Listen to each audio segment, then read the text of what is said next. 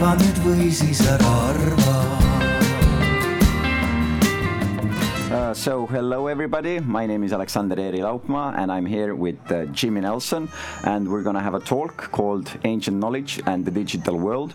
And uh, everybody who's watching us uh, online, uh, whether it's from Facebook Live or from uh, Telia Inspira channel, we have a question that everyone can answer. Uh, you can see the question on your screens, or if you go to uh, votemo.arvamus.eu and the question for today that everyone can answer is has the fact that we all have cameras in our pockets made us more aware of every individual's uniqueness or rendered us indistinguishable from one another? Uh, you can also use the qr code on screen to, to get to the question. And uh, also uh, in uh, relation to uh, uh, asking that question, we also have a Q&A, so you can ask any questions that you would like us answer, and we try our best to answer the best questions, or at least ask them and try to answer them. But the talk today is uh, with Jimmy Nelson, who is a beautiful artist who has uh, spent many, many years uh, photographing the indigenous tribes and so has a, a special perspective, I would say, on uh, this issue and uh, also the people in the audience you can also ask questions so if you want to ask anything you can just maybe raise your hand and we will throw you this uh, beautiful catchbox uh, uh, mic into which you can speak and we'll do our best to answer these questions uh, as well um, so uh, without further ado right now let's begin so welcome Jimmy Nelson Good morning. Thank you for the introduction. Um, yeah, um, special is debatable, but let's say unique perspective. And I think that's the sort of journey we're gonna- go on in the next hour. Wonderful. So maybe the first place where we can start off is uh, basically the thing we want to know is can we use technology in a helpful way uh, to make us understand more about the indigenous people, uh, their role in the world, our own role in the world, or can technology only be a hindrance?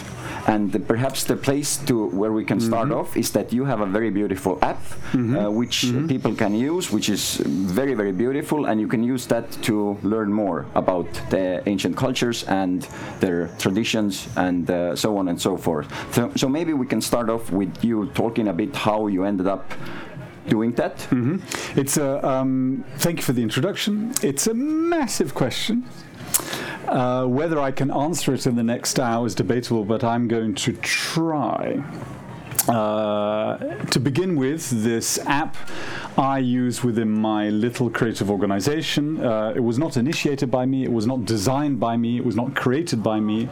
It actually also wasn't my idea, it was my colleagues. I work with uh, seven wonderful uh, women. And they decided that we had to go on this extended journey, this journey which we're about to discuss. How can I bring that insight, that unique uh, perspective, experience into the developed world? Uh, but also at the same time, uh, how we can reconnect or re inspire the indigenous communities, cultures to believe they have a validity. So it's bridging the two worlds. Um, that's the objective of the app. The app is every single picture I've had the opportunity to make and I show is digitally accessible with the app, with a smartphone. Uh, you uh, scan it over the image, you press on the icon, the eye, and you get taken into a two dimensional world of film footage, perspective of me working in the environment, uh, commentary from me, and also a variety of interviews and context from the indigenous cultures themselves. So it's trying to, the picture, the photograph is a portal, a door uh, into another world. So uh, right now, over the course of let's say the past 10, 15, 20 years, how have you seen uh, the impact of technology uh, on those indigenous people? Have you seen mostly positive, mostly negative? Uh, is it a mixed bag? It's um, in transition. I would say 50% of the communities I now get to visit are now online in one way or another, uh, which is quite uh, uh, beautiful but at the same time confronting. Uh, they also track me and monitor me on my journey and how I communicate it and often correct me when I'm right and often, more often not when I'm wrong. So that's one interesting perspective. Also, I would argue uh, from their perspective, it's positive because they are finding a way to put in the context the validity of their authenticity. And I think that's the, the, the bigger journey that we're all on together. In our, the developed world, uh, the access we have to technology is extraordinary, uh, but at the same time daunting because we are uh, rapidly leaving the human experience. And I think the conversation I would aspire to have with you in the next few minutes is how you can keep that in balance, how we can indulge, uh, inspire, dare to de- deep dive into the technological digital world, but at the same time uh, remain human. So if we're sort of entering the metaverse, verse, how do we keep the human verse valid and in balance running parallel next to it? Because both are important. One needs the other. So yeah. it's basically we have a lot of power, but that power has to be balanced with wisdom. And in our world, we seem to lack the wisdom. Well, it has to be balanced with humanity. It has to be balanced with human beings. And I think the the, the thrill of the technological world is that it's taking us far and far further and further away from what it is to feel to be human. And we were discussing it on the way here. That idea of daring, that idea of curiosity, that idea of adventure, that idea of being authentic, but physically feeling it in one own human form, the digital world is disconnecting and bec- making us actually, I would argue, although I'm now middle aged, so I wasn't born up with digital technology, lazy. And that's my biggest fear. So the journey I'm on is uh, I work with a team of substantially younger people who are trying to, they grew up in the digital world, reapply and use the, the insight, the organic insight that I've uh, gathered, and, and spread it for the better reuse of connection of what it is to be human.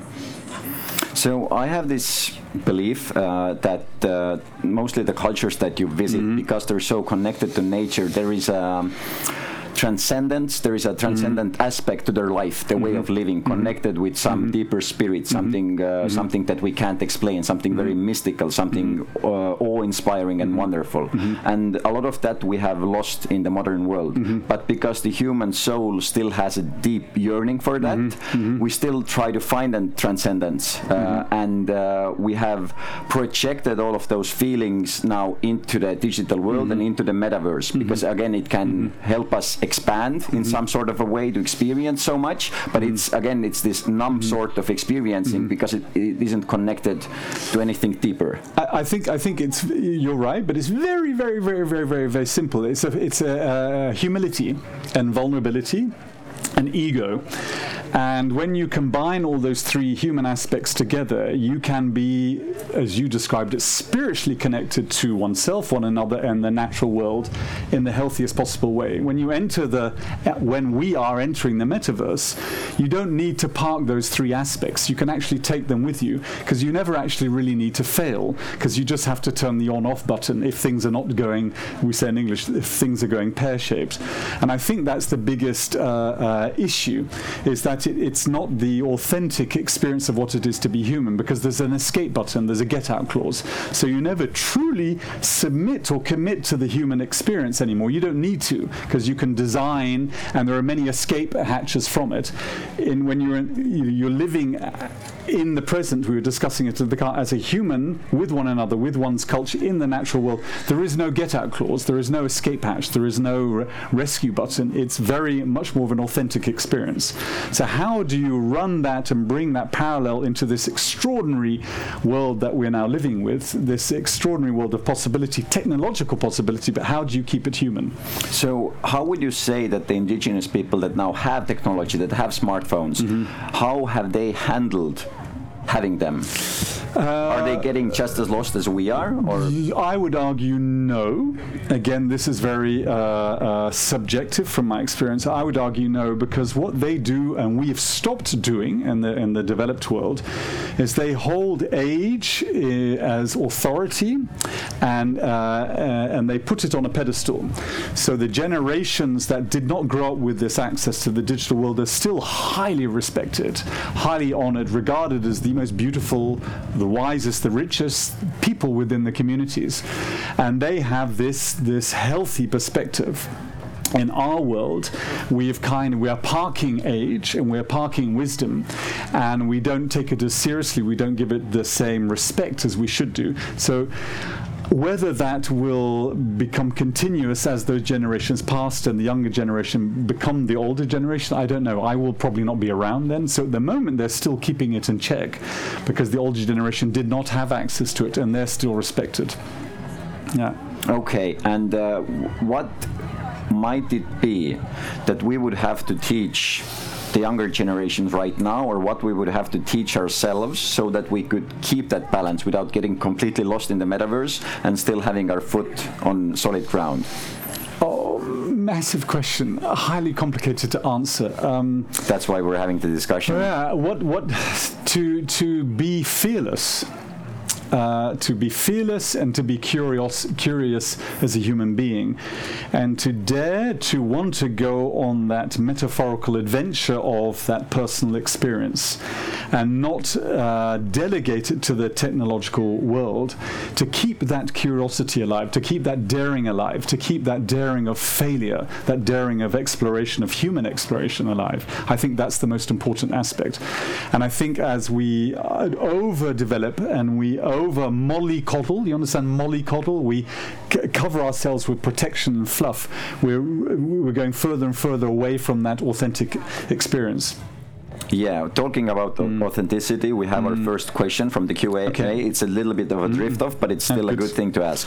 So Laura asked, uh, there are AI tools to create fake photos of people. Mm-hmm. Do you see individuals taking advantage of those tools more, and what can we do to keep content content real, not fake? And this is very apropos because just yesterday, uh, uh, one colleague of mine sent me uh, artworks made by AI that look like amazing, like impressionist mm-hmm. paintings uh, mm-hmm. from the mm-hmm. late uh, the 19th century. Basically, it's so beautiful, and I feel the draw. Like, hey, why should I like pay an artist to do something if I can just have something like th- like that? So it's it's very.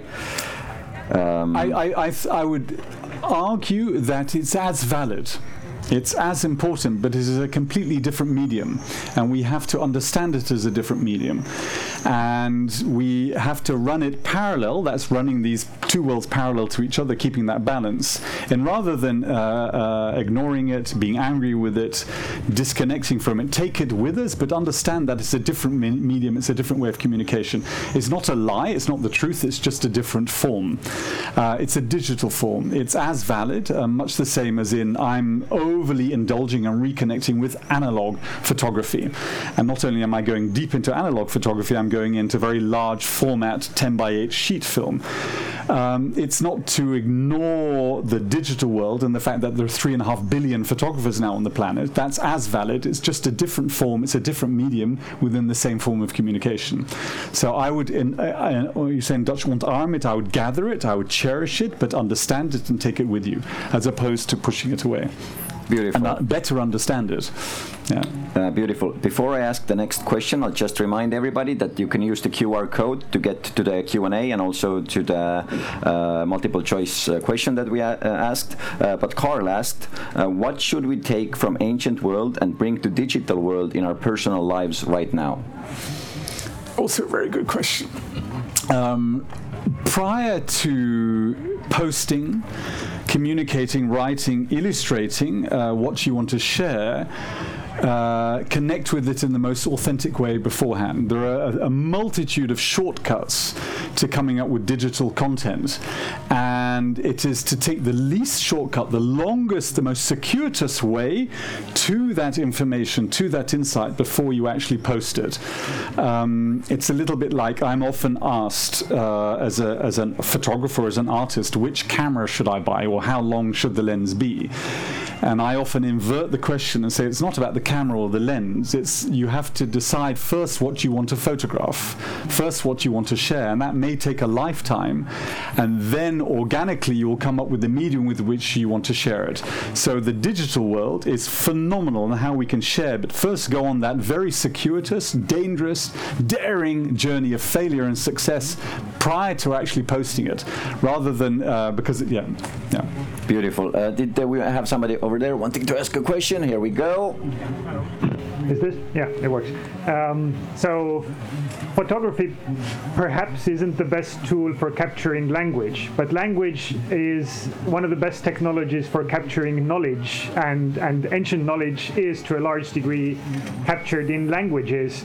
Uh, at the same time, uh, digital technologies are, are built around the global languages, English predominantly, and, and the concepts and understandings and structures that the English language has, uh, losing a lot of uh, indigenous knowledge by not um, using or making use of their languages. Occasionally we do. I was I was recently reading a piece about Kusunda language in, in Nepal and, and we've used very successfully digital technologies to capture the only person who's who's still fluent in, in that language to preserve the language for, Mm-hmm. for posterity. But I'm, I'm just like wondering, uh, like we are here talking Mm-hmm. and, and talking is such a huge aspect of of uh, the human experience. Mm-hmm. Like, like what, what are your views on, on that? Uh, I'm, I'm not. Thank you. Very good question. There, there are a number of questions in it, maybe a, a number of answers. I'll try and focus on one. Uh, I can only speak one and a half languages English and Dutch. I call it Dinglish, it's my own dialect. Although I spend the, the majority of my life traveling and communicating with cultures whose language I don't speak. The thrill is um, how close can one get to that moment of intimacy, that moment of trust, without using words. To go to a layer further, and it becomes very physical, it becomes very metaphysical, uh, of submission, again, of humility and vulnerability, to get into a, a space, a, a safe space whereby a community, an indigenous community, lets me in to ultimately make the picture. But it's not the picture that I aspire to make, it's the process and the journey of getting there. So that can be achieved through a sort of form of physicality and, and vulnerability long prior to the language. Now, once that is achieved, I, as an artist, am making a visual document to inspire others who are far more talented and capable and educated than I will ever be to transcend that, that interest, that curiosity into that, that, that aesthetic and the wisdom there behind it to bring the language forward and share it, if that makes sense. So I uh, myself, I'm not capable of it. It's not within my quiver of minim- minimal talents to do it. But I am trying to be a catalyst to awaken other people's curiosity. For example, we were mentioning it last night. One of the most thrilling parts of the world where I have the privilege to often travel and work in is Papua New Guinea half of the world's fifth largest island, and on that island there are 1,000 independent languages. Technically speaking, again, if I'm right in saying, there are between six and 7,000 official languages in the world. That's insane on that small half island. So every valley you go into, not only is there, they're all Melanesian of DNA, but each culture is totally and utterly different. I will spend the rest of my life, as, as long as I hope it still becomes, investigating and disappearing into those. I will never understand one word that is actually said. But I hope to become a portal of curiosity, of, of adventure, of failure, or often fear and humility to open up your curiosity to what's there, what lives in those valleys, and why are they also authentic? How do they have this extraordinary way of still communicating with one another that's totally unique, and why it's so important? So it's I'm not capable of it, but I want to be and, and enable others of actually a multitude of younger generations to want to go further and, and understand. What are they saying? Why are they saying? How can they be so present, so so so beautiful, but in all the layers of what it is to be human, in such a remote existence, and in actual fact be extraordinarily wealthy, and as regard uh, and they're regarded as sort of primitive, but it's anything but primitive. I would regard that we, in our laziness, leaning on the digital, are becoming pri- primitive as a result. So it's the in- inversion of that. But it's not for me, it's up to you to go on that journey of experience to feel it. Yeah. Something like that. Okay. Uh, we have two uh, very good questions again here. Uh, fir- first from Elo, uh, and it's how can we keep calm in this world that has physical and digital side and information overflow? What is your recipe? How can we keep calm? Um, I used a small example yesterday. I've just returned from this is how I keep calm. How you keep calm, it's difficult to. I have just taken my son, I have three kids, he's 22, on a journey, a journey of disconnection, but it was actually a journey of reconnection. I took him for three and a half weeks to northern Pakistan uh, to the most uh, uh, concise group of high altitude ma- mountains on the planet. We went all the way up to the border of the Pamir Mountains on the border of Afghanistan. And a multitude of Taliban were actually in Pakistan. So we went on a journey which everybody said you should not do. It's very dangerous. There's no digital connection. He is incapable of surviving this journey just because it's your need to, to take risks. I went on this journey with him to disconnect him or to bring him back into balance. He, as a 22 year old, lives online. Um, he was fearful, but he was willing to do it. The, we went for three and a half weeks. The first week he cried, he vomited, he had diarrhea, and he had panic attacks a combination of the environment that he was in and being digitally disconnected. The second week, he went totally silent. And on the third week, we were walking down a valley surrounded by mountains over 7,000 square meters, and there was a landslide just behind us in the path.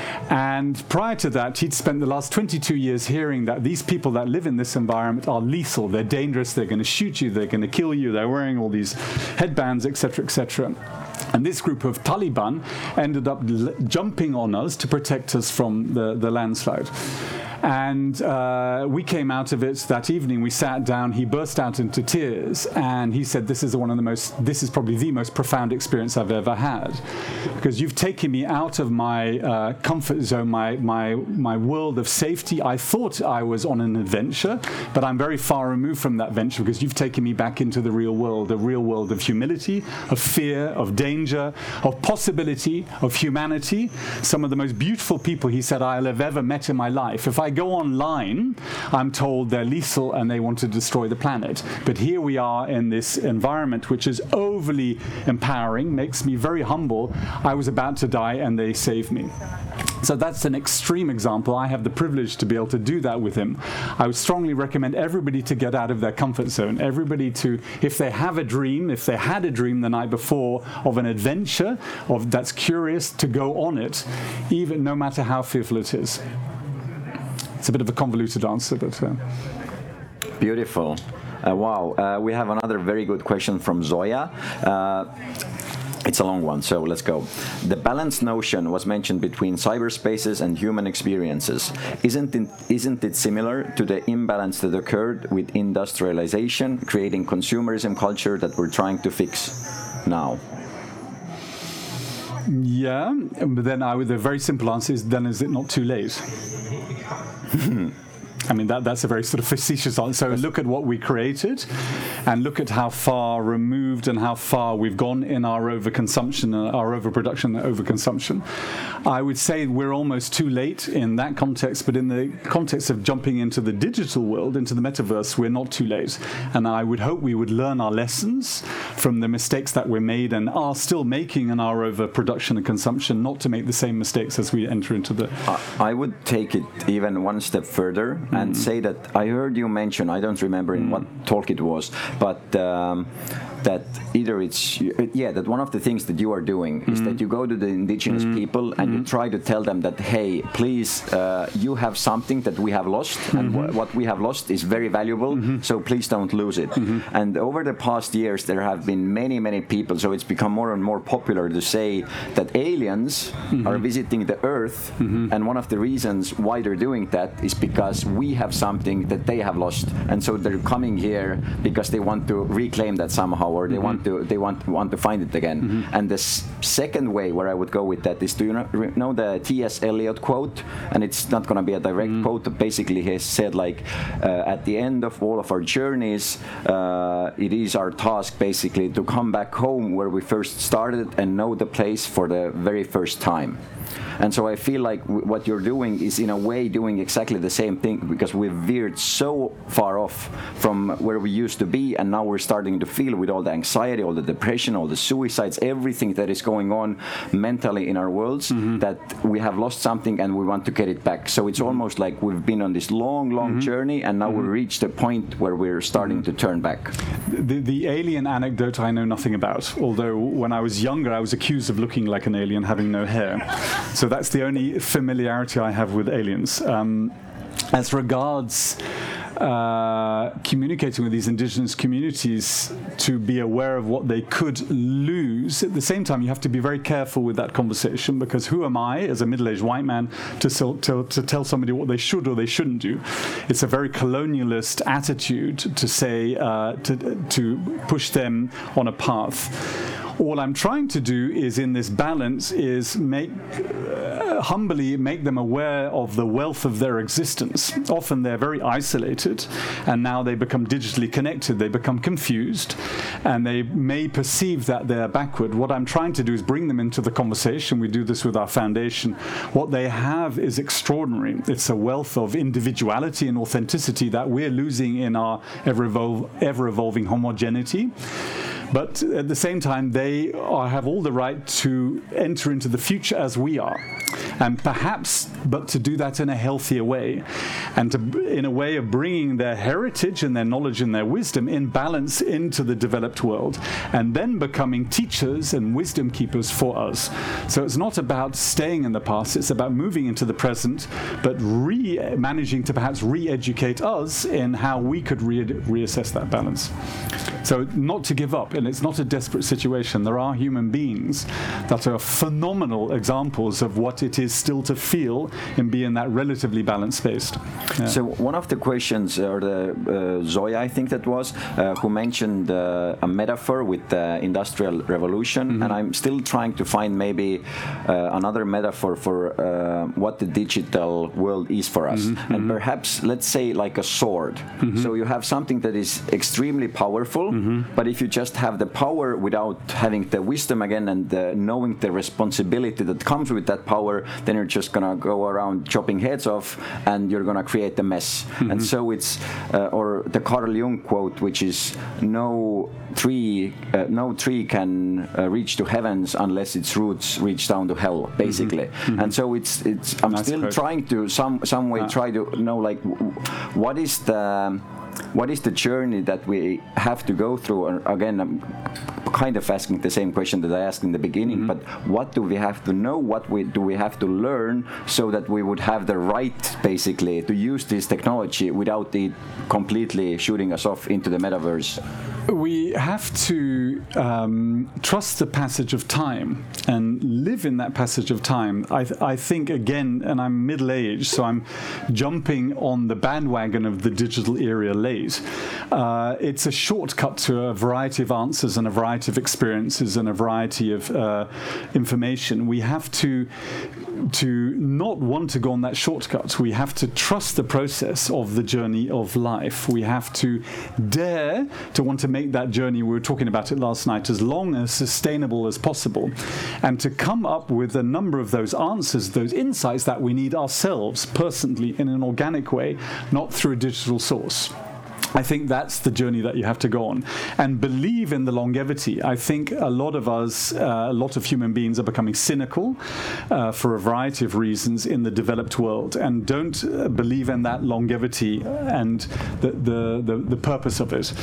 If one goes on that, one one dares to try to discover certain answers to the questions oneself. That's the adventure. That's the curiosity, and that's extremely important because a lot of those answers are outrageously profound, and a lot of the experiences you have. But you have to be very, very patient to get close to them, and it takes a lot of time.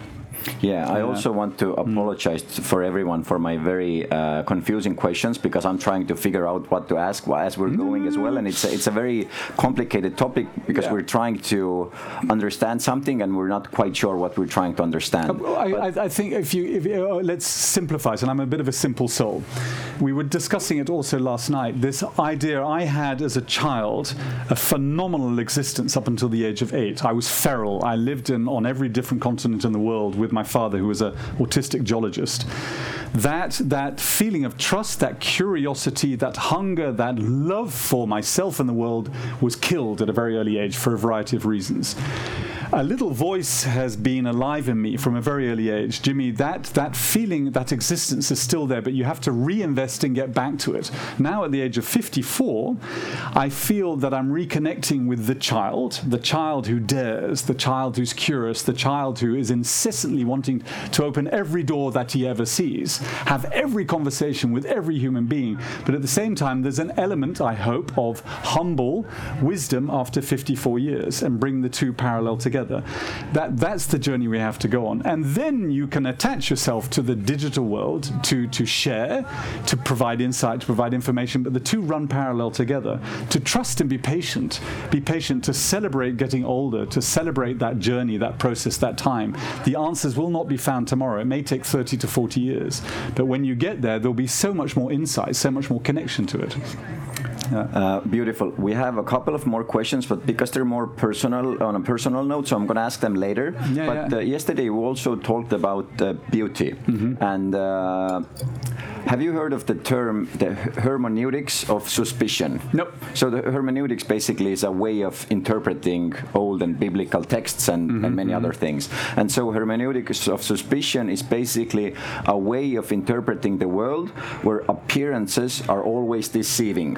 So uh, truth is always behind something, mm-hmm. whether it's mm-hmm. like a conspiracy mm-hmm. theory in which there's a secret cabal who's running something, or just the fact that if you look a certain way, it's hiding who you really are, or if you say something, you're trying to hide something. That's the hermeneutics of suspicion, interpreting everything as if appearances were hiding what is the What is truth. the real truth. And one of the definitions, one of the most beautiful definitions of beauty that I have heard is that beauty, in contrast, is something that reveals truth, that reveals or discloses reality. Um, how can we connect that like because, because the same way like with the metaverse for example. If you just go into the metaverse it's a beauty but it's just a beauty of appearance and it's actually hiding reality from you. But then you look at the beauty of many the indigenous people and they're also very physically beautiful but their beauty is disclosing it's showing us reality in some deep way. You, um, this is a very, very simple answer to a very, very good question. Beauty is a feeling. It's a state of being. Uh, when you go and visit an indigenous culture, they may not look as beautifully profound as I record them as being. But when you spend time and live and invest and connect, you end up interpreting and seeing them in a very, very different way. Hence, the result of the art is more art than journalism that I record. I'm sure that's very much the same for us. I'm often criticized in a, and I find it an interesting criticism that the indigenous communities that I see and record they don't really look like that. Well, it is my perspective, it's my truth, it's my interpretation of beauty, but I would flip it around and how do we perceive ourselves? Uh, nine, we don't ask the same questions about ourselves. When you walk into a, a magazine shop, for example, and you see this illustration of our aesthetic, it's an aspirational beauty. Nine times out of ten, the covers of a magazine are not as we look on a Saturday morning when we've woken up after a party, uh, but we never question it because it's an aspirational beauty because we believe that we have an authority to always be seen in that way. If you flip it and look at indigenous cultures, uh, it's the same. Having spent time, you end up seeing and interpreting it in a different in a different way. It's an inner beauty. It's an inner power. It's an inner aesthetic, which is also a truth, but that can only be seen after a long-term investment. That beauty that is personal, you have to invest in. You have to go on that journey. You have to go and look for it. We were talking about it earlier, and it takes time, and you have to be extremely patient. But it's an investment. Yeah. And so, to add to that, is there a way to make the metaverse, for example, uh, be beautiful in that true sense as well, and not be just an appearance of something aesthetically pleasing, but actually being uh, an escape Good from question. reality? I, I don't. I don't actually know whether I have the answer yet.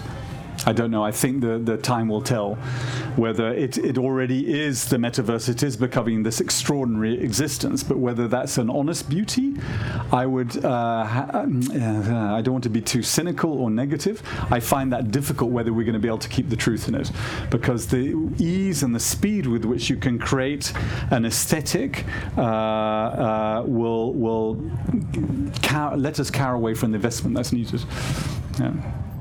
Uh, I'm gonna get to the questions now. There are a bit more uh, personal, but Mm-hmm. let's see if we can tie them into the uh, larger conversation as well. Uh, so, Alex asked, "Hi Jimmy, you started with Alex. the." Uh, uh, with a book uh, before they pass away and uh, came to a big work homage to humanity which also we showed at tell in three years ago uh, can you tell me more about your evolution during these years Um, good question. Uh, the evolution is, and we touched on it last night, we were talking, is this never ending journey of making the definitive picture, the one picture that will stand the test of time, the one picture that will hang on a wall, that every individual that walks past will burst out into tears when they see it. I will never achieve that. I doubt whether anybody will ever achieve that. But the thrill to be on that journey, that complete and utter, unadulterated love, fascination, obsession with the medium of photography, which I've often denied until recently, because I said it was just a medium to go on a different journey. I am I'm, I'm utterly obsessed with the medium and how that two-dimensional medium, that one stolen moment in time, that one fraction of a second or a whole second, depending on what camera you're using, is capable of capturing a feeling, a moment, and transcending uh, that to an audience. I often what the journey I'm going on, the best way I can describe it is if you can imagine a music recording. Music is very profound, and music is a way of touching our soul. You can have a, a vocalist, a drummer, and a violin, and they can play a song, or you can have an orchestra with a choir of 2,800 drums and 84 violins, and they're both playing the same song. One is very easy, and you just have the drum and the violin and the vocalist. And one takes three to four years to find a synthesis for all those voices and all those sounds. The journey that I'm on is that orchestra. I'm trying to make the creative process as complicated as fucking possible to, uh, to uh, so many layers that are almost unattainable for that one moment of connection so much the same as when a conductor stands in front of that orchestra and everything is aligned and you sit in the audience and that sound resonates and touches your soul and you burst out into tears. I'm trying to do that in a visual way, but not with sound, not with movement, with nothing other than that st- piece of paper that will hang on the wall and that everybody who passes it, uh, I can connect with, with the journey that I'm going on. That idea of gathering all those senses, all those experiences, all those feelings and all those emotions in that one moment of time. And I think that's thrilling. I think it's totally impossible, but to aspire to uh, manifest it is the most exciting thing imaginable. And that is to counter this sort of uh, uh, indulgence in the digital world where everything is easy. I think by making something impossible, you go on a journey uh, as opposed to dealing with the result. And then that journey becomes totally sustainable. I will, for as long as I'm physically possible, spend the rest of my life looking for that one picture and that thrill. But it's everything I experience on that journey which makes this life as r- extraordinarily rich as I aspire for it to be. Does that make sense? Yes. And that's the journey that I'm on. So whether it's um, uh, regarded or acknowledged by anybody, I don't really mind anymore. It's so thrilling for me to aspire. And every time I make that picture with the 10 by 8 and I, and I look at it, oh, it's not perfect. And I get really excited because I have to go further and further and further and further. Yeah. Beautiful. Uh, we had a commentary uh, which I can turn into a question. Basically, Zoya said that maybe digital tools are more like screwdrivers because swords are meant to kill, about the uh, metaphor I used earlier. But, but but I would ask a question from that: the digital, uh, or sorry, the indigenous cultures that you've met, how do they see those technologies? Do they see this um, positive, negative, ambivalent? Uh, they are th- there are differing layers of accessibility to indigenous culture, there some of them have no idea te- technology exists. Some of them are touching on it. Um, they are they see it as a form of connection in word, but less in image. Uh, I've discovered more recently when I return to the communities that I've been working with and I bring back the books I've made or the pictures I've made, they're often not very impressed. And I want to go back receiving accolades and gratitude and thanks, and they sort of look at it, and often or not they will rip it up and put it in the fire or give it to somebody else, so somebody sits on it and it's a little bit more comfortable. And they they often say, and we get into a conversation, and I said, well, why why does this not interest you? And they say, well, this is your perspective on how you see us, uh, but we know how we feel. We're not really interested in how you see us. We don't need these pictures or we don't need mirrors uh, to tell us who we are. We know who we are. If this is how you see us, that's fine. The one thing that matters to us is you promised as a human being you would return back to us with what you had taken, and that's much more important. So that's much more of a sort of a, a spiritual connection than a sort of a, a visible uh, document. So they themselves are not busy photographing themselves or mirroring themselves or recording themselves. They're busy living and being present. That's a simplification, the simple answer. Okay. Uh, do you yourself see technology as being ambivalent, just being uh, a tool that if you're a good person, use it for good, if you're bad, use it for bad? Or do you feel that technology by itself has already some agency? Uh, technology will always have agency. Always have agency, and it's up to you as an individual to decide whether you're good or bad and how you're going to apply it and how you're going to use it. Um, I, I, th- we as individuals have agency and however we communicate and whatever we use for that communication, it's always going to be ambivalent. Yeah. Uh, we have a question from Seam. Uh, comfort zone. Is your comfort zone being out of comfort zone? Good, good question. Um, uh, I my comfort zone is being uh, physically, uh, emotionally, and intellectually challenged. I think as a result of that, you all you keep growing. I think we as human beings are inherently uh, prone to being lazy. We're being lazy in our diet, and our existence, and our physicality, and our communication. And when one dares to go continually confront that comfort zone, uh, you you keep growing, and as a result of that, you're in continually energized, although it's relative to the age and the physical physical capabilities of one's body and one's mind. And that's thrilling because the, the journey becomes exponential. It becomes potentially unending for one as, as long as one lives. Uh, the, you, one has to be careful with what that comfort zone is and what, what, whether one whether it's a true risk of danger or you're just touching the expression touching the void touching the potential danger Beautiful. Um, okay, let's change topics a tiny bit, even though not really.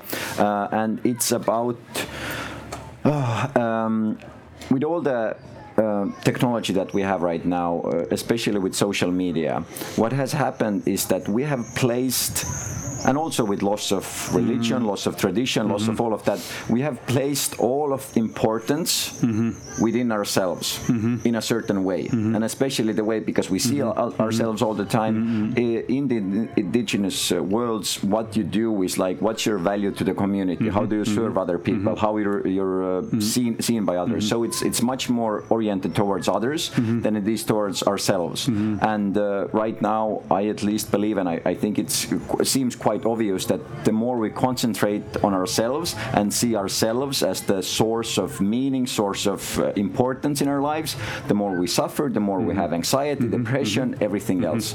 So maybe let's just i'm not even going to ask a question but uh, again what can we learn what can we what can we do and is there a way that we can turn that same technology that has has put us into this place uh, around to help us and not uh, drive us further off the cliff drive us further off the cliff is very melodramatic. Uh, yeah, we Sorry, have yeah. we, no, we, have, we have become a, a, selfie generation. It's all about me, me, me, me, me, me. Whether we like it or not, we're all becoming narcissists. Uh, narcissism is an extremely unhealthy human uh, trait, and it's, it's a burden. It's very damaging, and it's a massive burden. Um, uh, how to how to resolve that? I, will be honest. I don't immediately have the answer because I see how addictive digital uh, mobile technology is. In the short term, what I did with my son this summer is a sort of a, is the beginning. Whether or not that I can keep that as consistent. Um, I, I, don't. I, will honestly, I can sit here and waffle uh, indefinitely. I don't know whether I have the answer answer to that. I really don't know whether I have the answer to that, um, other than touch on what we were touching on earlier: is be daring to disconnect, to ask uh, those uh, personal questions oneself. Yeah. Uh, but it, it is connected to the question that we asked all of the audience. So maybe it's a good time to check just where the answers are right now. And so we can see that uh, 13% right now uh, say that technology uh, or the fact that we have cameras in our pockets has made us more indistinguishable, but this can be changed. 44%, the majority, are say that it's it's making us indistinguishable from another and it's getting worse. And 38% uh, say that it has uh, helped us see the depth of each other and our uniqueness in a better way. And there is actually a few people, 6%, who say that ra- it has rather made us more indistinguishable from one another, and that's a good thing. I would, I would, I would lean on the group of 38%. That's the uh, positive group. Uh, talking about language, uh, it's the first time we can globally communicate with each other without using words. The fact that there are, I think it's estimated three and a half billion photographers on the planet at the moment, so three and a half billion people speak the same language now. Whether that language is true or a lie, that's the debate. But the fact that three and a half uh, people can immediately communicate with each other through imagery and be more curious about imagery that I make and others made, I think is thrilling. So I would be optimistic and lean with the 38% and, and uh, ask everybody that's using it and thrillingly using it and thrillingly becoming photographers to try and stick as close as possible to the truth as they dare. But it's all about daring. Um, I'm just giving because we still have some time left. If anybody here as well wants to ask a question, just raise your hand and we will get the catch box to you. But um, in the meantime, uh, we stopped for a second on the uh, fact that for indigenous people, uh, it's about serving others, it's about serving the community, and it's And also it's about serving the, na- the, the natural world. Yes, and it's also known that one of the best ways to get out of depression, to get Mm-hmm. out of a slump that you're in, is not to focus more on yourself or try to Mm-hmm. get help. It's to actually try to help other people because uh, service is a very good anti- antidepressant. And so, I would like to know, like within those. Um, Within those communities, how, like, what are the things that they value the most? What is what is that they say that, that they want? What do they want to do? How do they The- want to be it's, a, it's, seen? it's a good, really good question about servicing others, and there's a, a reciprocity is extremely important. And if you look in the Pacific cultures, their whole uh, transfer of wealth system is based on a reciprocal process, and it's believed that the more you give, the more you'll get in the return. But maybe not in your lifetime, but in the lifetime of others thereafter you. So it's a completely different way of being. It's all about giving, and giving is wealth. And the less you have and the more you've given, the more wealthy your existence. But you may not benefit from that. It'll be generations after you. So I think that would be a fantastic sort of uh, uh, way, state of being that if we could bring into the developed world and leave this me, me, me, me, me, this selfie, this narcissistic existence, and think about how wealthy could others be after after I pass through this passage of time. And then if you transfer that to the natural world, they invest an enormous amount of time because they believe they are they're all animus in general. They're here to serve the natural world and to serve the natural world to make it as sustainable as possible. We've inverted it and we believe the natural world has to serve us.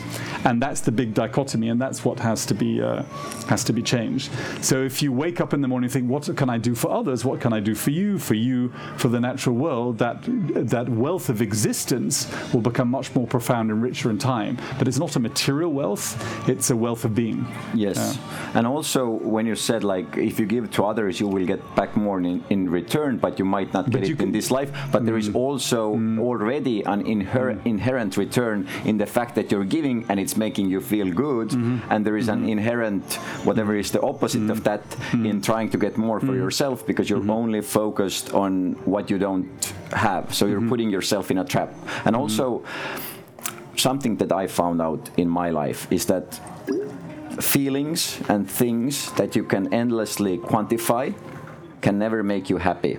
Whether it's money, whether it's sexual partners, whether it's uh, fame, whether it's whatever.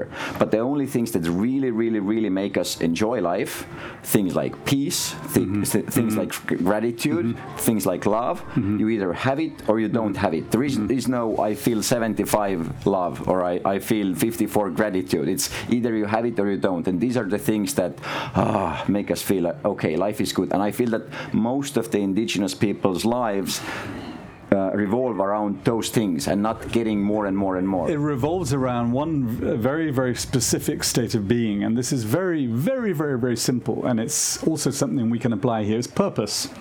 What is your purpose? Uh, they have a very clearly defined purpose. We have become numb to our purpose. What is our purpose? Where are we're going to eat lunch? How big a car are we going to buy tomorrow? If we can transcend into that state of being, what is our purpose to be here as a human being?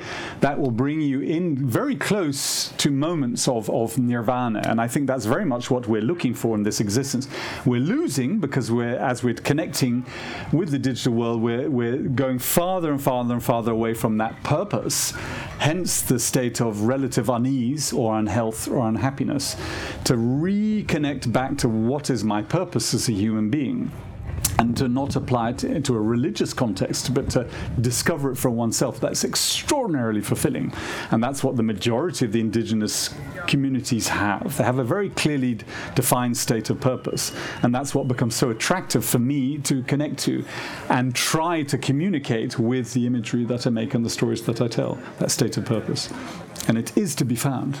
Yeah. Uh, wonderful. Uh, time for next question. Uh, Margot, or, or Margot, I don't know, uh, asked In 1977, humanity sent 115 photographs to space forever on board Voyager spacecraft. If you had a chance to send one of your pictures to space as a representation of mankind, which image would you pick? That's a very beautiful question. Oh, stunning question. Um, stunning question. The the the it's a very it's a picture of mine. It's a very bad picture. It's made 26 years ago. It's very difficult to define what's on the picture, but it's the picture of my eldest daughter being born. The miracle of life. Uh, it's that moment where her head was popping out of the vagina of my now ex-wife and there was a lot of noise, although that's not recorded on the picture. It's black and white, it's grainy. I was in tears. I was very young, very naive, but it's that particular moment. It's, it's the, the beauty of, uh, of creation. That's the one picture uh, I would send into space. That's- Although you can't see her face, you only see the top of her head and the squeezing of the vagina. But Maybe you can Photoshop it's very artistic, very abstract. It could be seen as art. Yeah. yeah. Um, And it's also interesting as a res- uh, I'm, I'm, I try, I'll go off on a segue. Uh, if you another question I've been asked and I'll ask to myself now: What are the pictures you regret having not made? It's her going through puberty because she. I'm fascinated with that journey of from child to adult. I had a very complicated process from puberty to adulthood, and I saw her as a very profound, very rich, very intelligent woman go from a girl to a woman. And I would have loved to have recorded that process in the most intimate way imaginable, but she refused me because she said I was born, the day I was born, I had a camera attached to my head. And up until the age that I could choose that, I didn't want a camera. Um, so those are the pictures I wish I hadn't taken, but I have the memory of seeing her grow into a, the extraordinary woman that she now is, although there isn't a picture of it. but there are, but they're not good. Wonderful. Before I'm gonna, uh, Well, I'm- yeah. before I'm gonna get to the next question, maybe we can also touch for a second uh, upon the importance of uh, coming to age rituals and uh, uh, rites of passage. I know this is something that we talked about when I visited Mm-hmm. you 2 years ago, and I still feel that it's such an important uh, part that our culture has basically lost. And I also feel that it might be one of the keys that uh, can be helpful to be more responsible with the technology that we have, whether it's a sword, a screwdriver, or a camera. Uh, and uh, it's a really good question, and this isn't prepared, but I automatically have two stories I want to align with it. It's a personal story, and it's a story about the huli in Papua New Guinea. Uh, I went on a very complicated journey as a child from early childhood through to adolescence to adulthood, and the, the tipping point, the bridge was losing my hair. Uh, that was the de- redefinition of my aesthetic, my identity. I lost my hair because of extreme stress and a multitude of other reasons, which we're not going to go into now. But if you go online, you can find out why. And I woke up one morning and looked in the mirror and saw a different face. Fuck. That sent me on a new journey. I ran away, disappeared off into Tibet, dressed as a monk. I'm still here today, bald.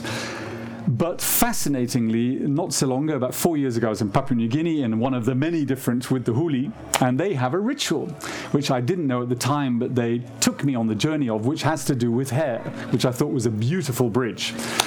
What they do with their teenagers is they, over a period of one and a half years, uh, right in the middle of their puberty, they gather them as they're leaving puberty, and with a shaman, they enter into the rainforest. It's a high altitude rainforest, and for a period of a year, and they walk into that rainforest naked with no clothing, no food, no tools, no nothing, just a group of, on average, 30 teenagers. And for a year, they have to find a way to symbiotically come into balance with the natural world. They have to sustain themselves, they have to sustain one another. And most importantly, what they have to do is they have to grow their hair. And they're Melanesian, so they have an afro but they have to grow their hair in a very specific way. They have to grow their hair into these very large bowls. Now, you think, why into the shape of a bowl? It's very abstract, but I think it's wonderfully beautiful because it's the most awkward shape that you could ever have your hair into when you're lying for a year in a rainforest without a bed, without any pillows, without nothing. And you have to groom, they have to groom each other day in and day out, all day to make these bowls, these afros, into these magnificent bowls. At the end of the year, the shaman checks them all. So you're the 30 teenagers, and you all have to have the most perfect bowl and have fed yourself and be healthy and not be ill and still like each other and not be fighting but it's about the bowl. Having lived with that bowl shaped head in the jungle means you found a way to physically and mentally and psychologically become one with the natural world, whilst at the same time creating this very androgynous, strange form.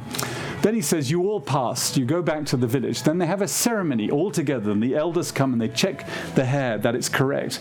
Then they ritualistically shave off this bowl and they build a little uh, structure underneath it, and they say, This is your hat. They call it, This is the wig, this is the huli wig.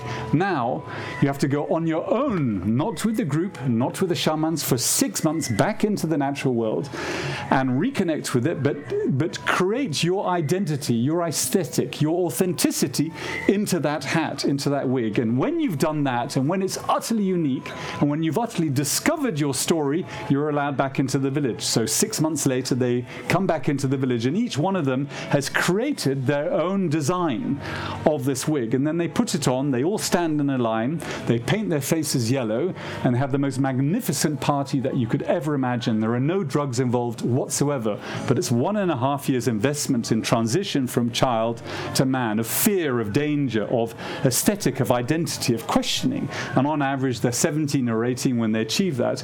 And it's one of the most beautiful things I've ever witnessed and seen and experienced. And then as it was happening, I managed to sort of segue to my own experience. I thought, what a beautiful irony that I started my journey by losing my hair. I don't have any wigs. But I did go on this lifelong, still today, journey of discovering connection with my authenticity, my creativity, my feelings, my emotions based on an aesthetic.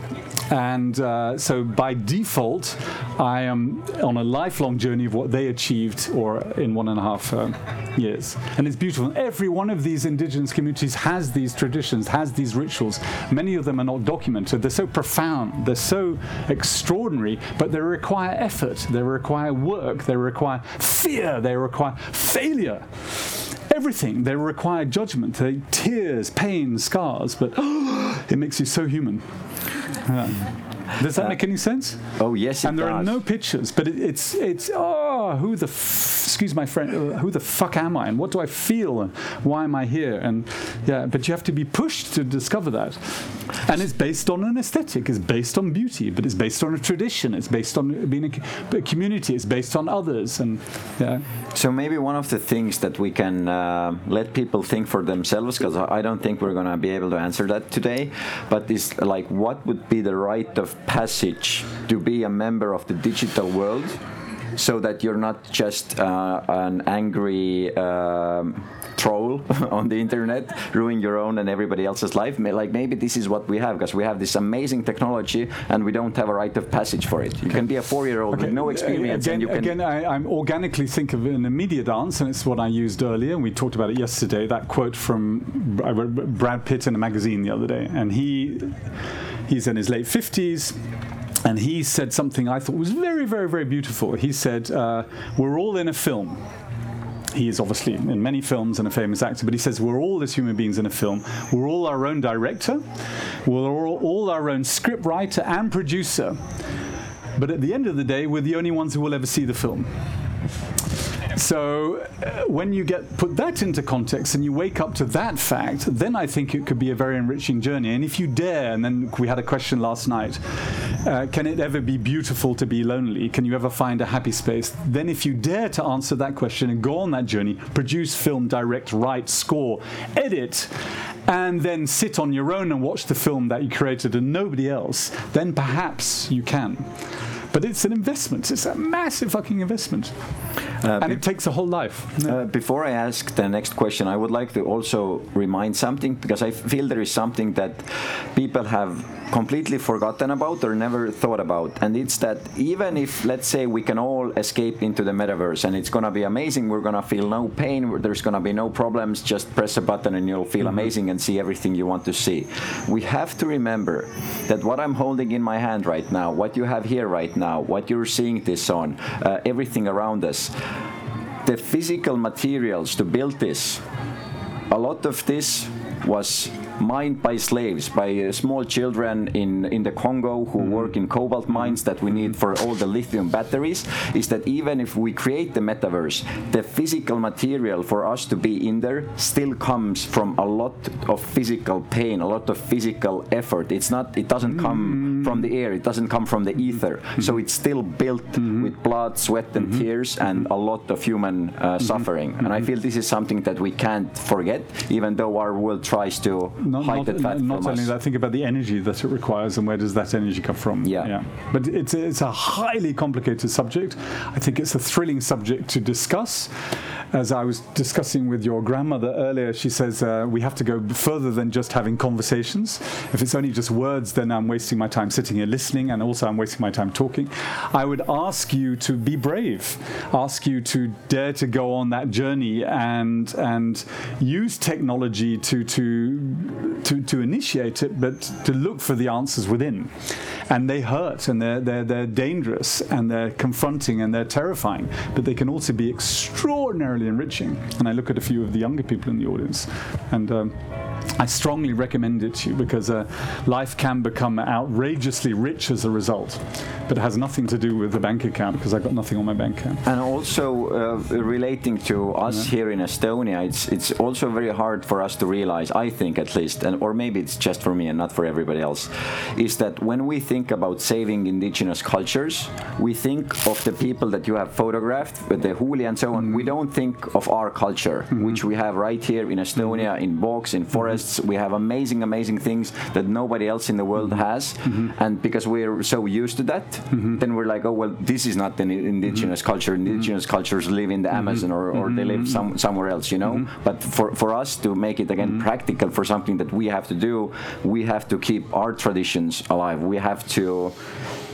yeah, Yeah, but and, and it's a nice bridge to the beginning of the pandemic. I was I live in Amsterdam, based in the Netherlands. Uh, everybody was around me, more in panic. For me, Jimmy, you're not going to be able to travel. Uh, but because I was in quite a positive space, I ended up creating a project in the Netherlands. The 20 indigenous cultures that still exist in the Netherlands, traditions, and it's turned out to be as aesthetically pleasing, rewarding, enriching, inspiring as anything you would have ever found at the far end of the world. I also had the privilege to have a, an exhibition here in Fotografiska right at the beginning in Tallinn, and from that day till today, uh, I made it uh, bee in my bonnet to make sure that I come back here one day and aesthetically, artistically document the traditional heritage that you still have here. So next year, if all goes to plan, inshallah, we will be doing a, a, um, uh, a co-project with Fotografiska, and I will be spending a long period of time here, as long as possible celebrating what you still have here. Not saying that you'll have to run around dressed in traditional clothing, but to aesthetically acknowledge it, celebrate it, use it as a record, as a mirror to connecting with the stories of your ancestors and understand the validity of them and the aesthetic of them, and then perhaps celebrate that and bring that into the rest of the world and show the authenticity and uniqueness of Estonia. And then if everything goes to plan, and I love to manifest, this will become part of a bigger project on Europe. And I think, especially at this moment in time, for a variety of reasons, and we're not going to mention any names, that understanding of identity and that celebration in a positive way is needed more than ever before. So, as with you and Fotografiska and Estonia being the catalyst, I think we're going to produce something extraordinary. And it's not about going back into the past, it's how will we re identify our authenticity as we move into the future. Yeah. And it'll take an enormous amount of effort and pain and scars, but it's worth it. Uh, relating to that, uh, Sven asked 14 minutes ago. Hello, Sven. What do you think of Estonians? As an outsider, do you see patterns that we probably don't see ourselves? I'll be very honest, Sven. Let's have this conversation in a year's time, okay? Because I'm not, I'm not capable of answering that at the moment.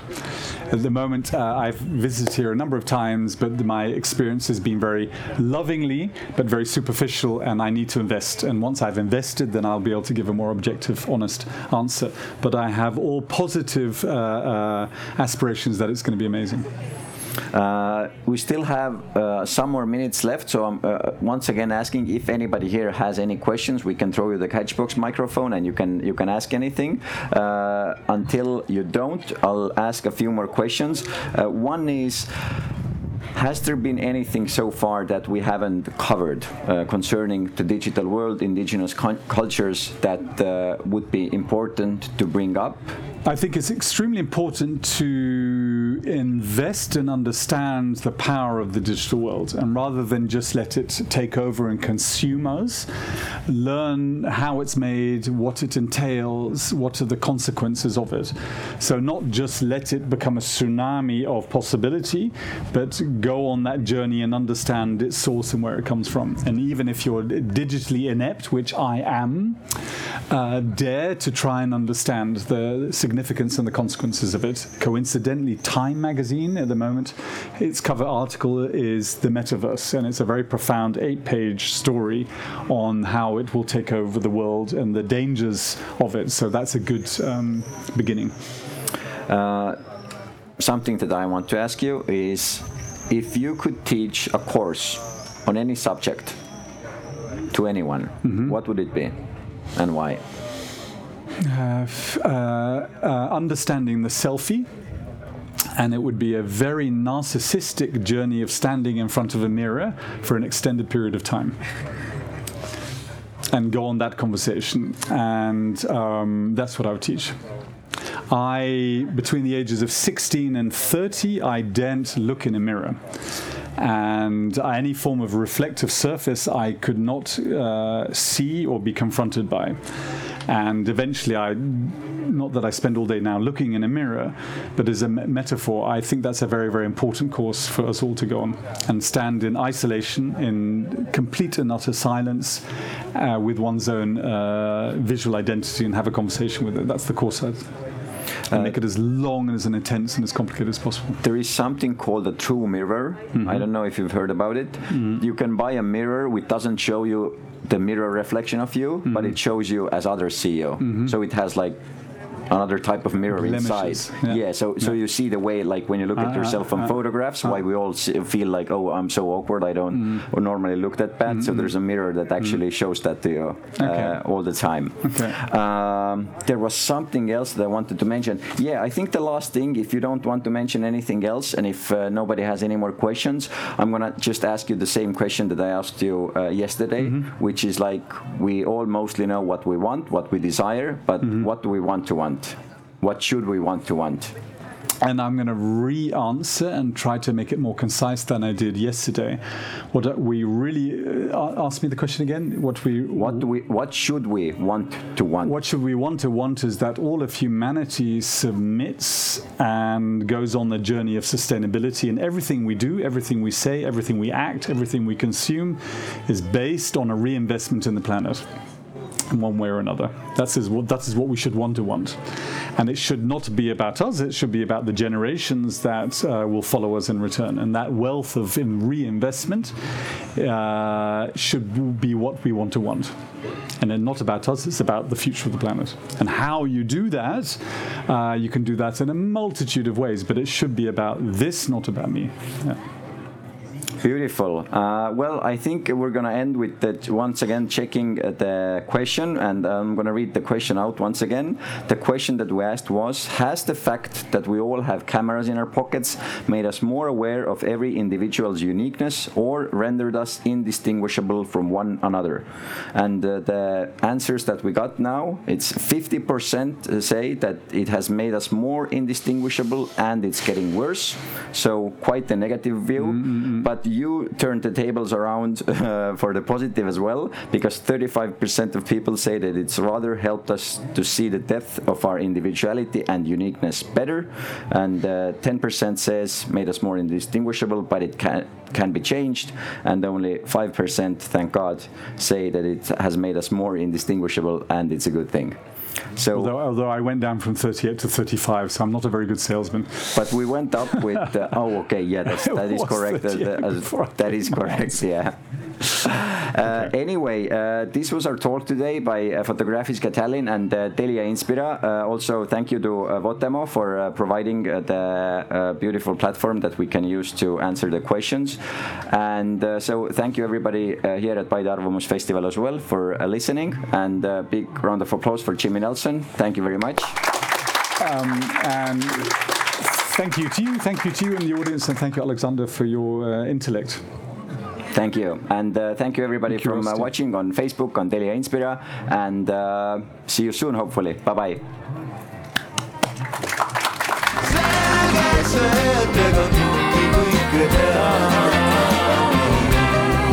puudub laud ja.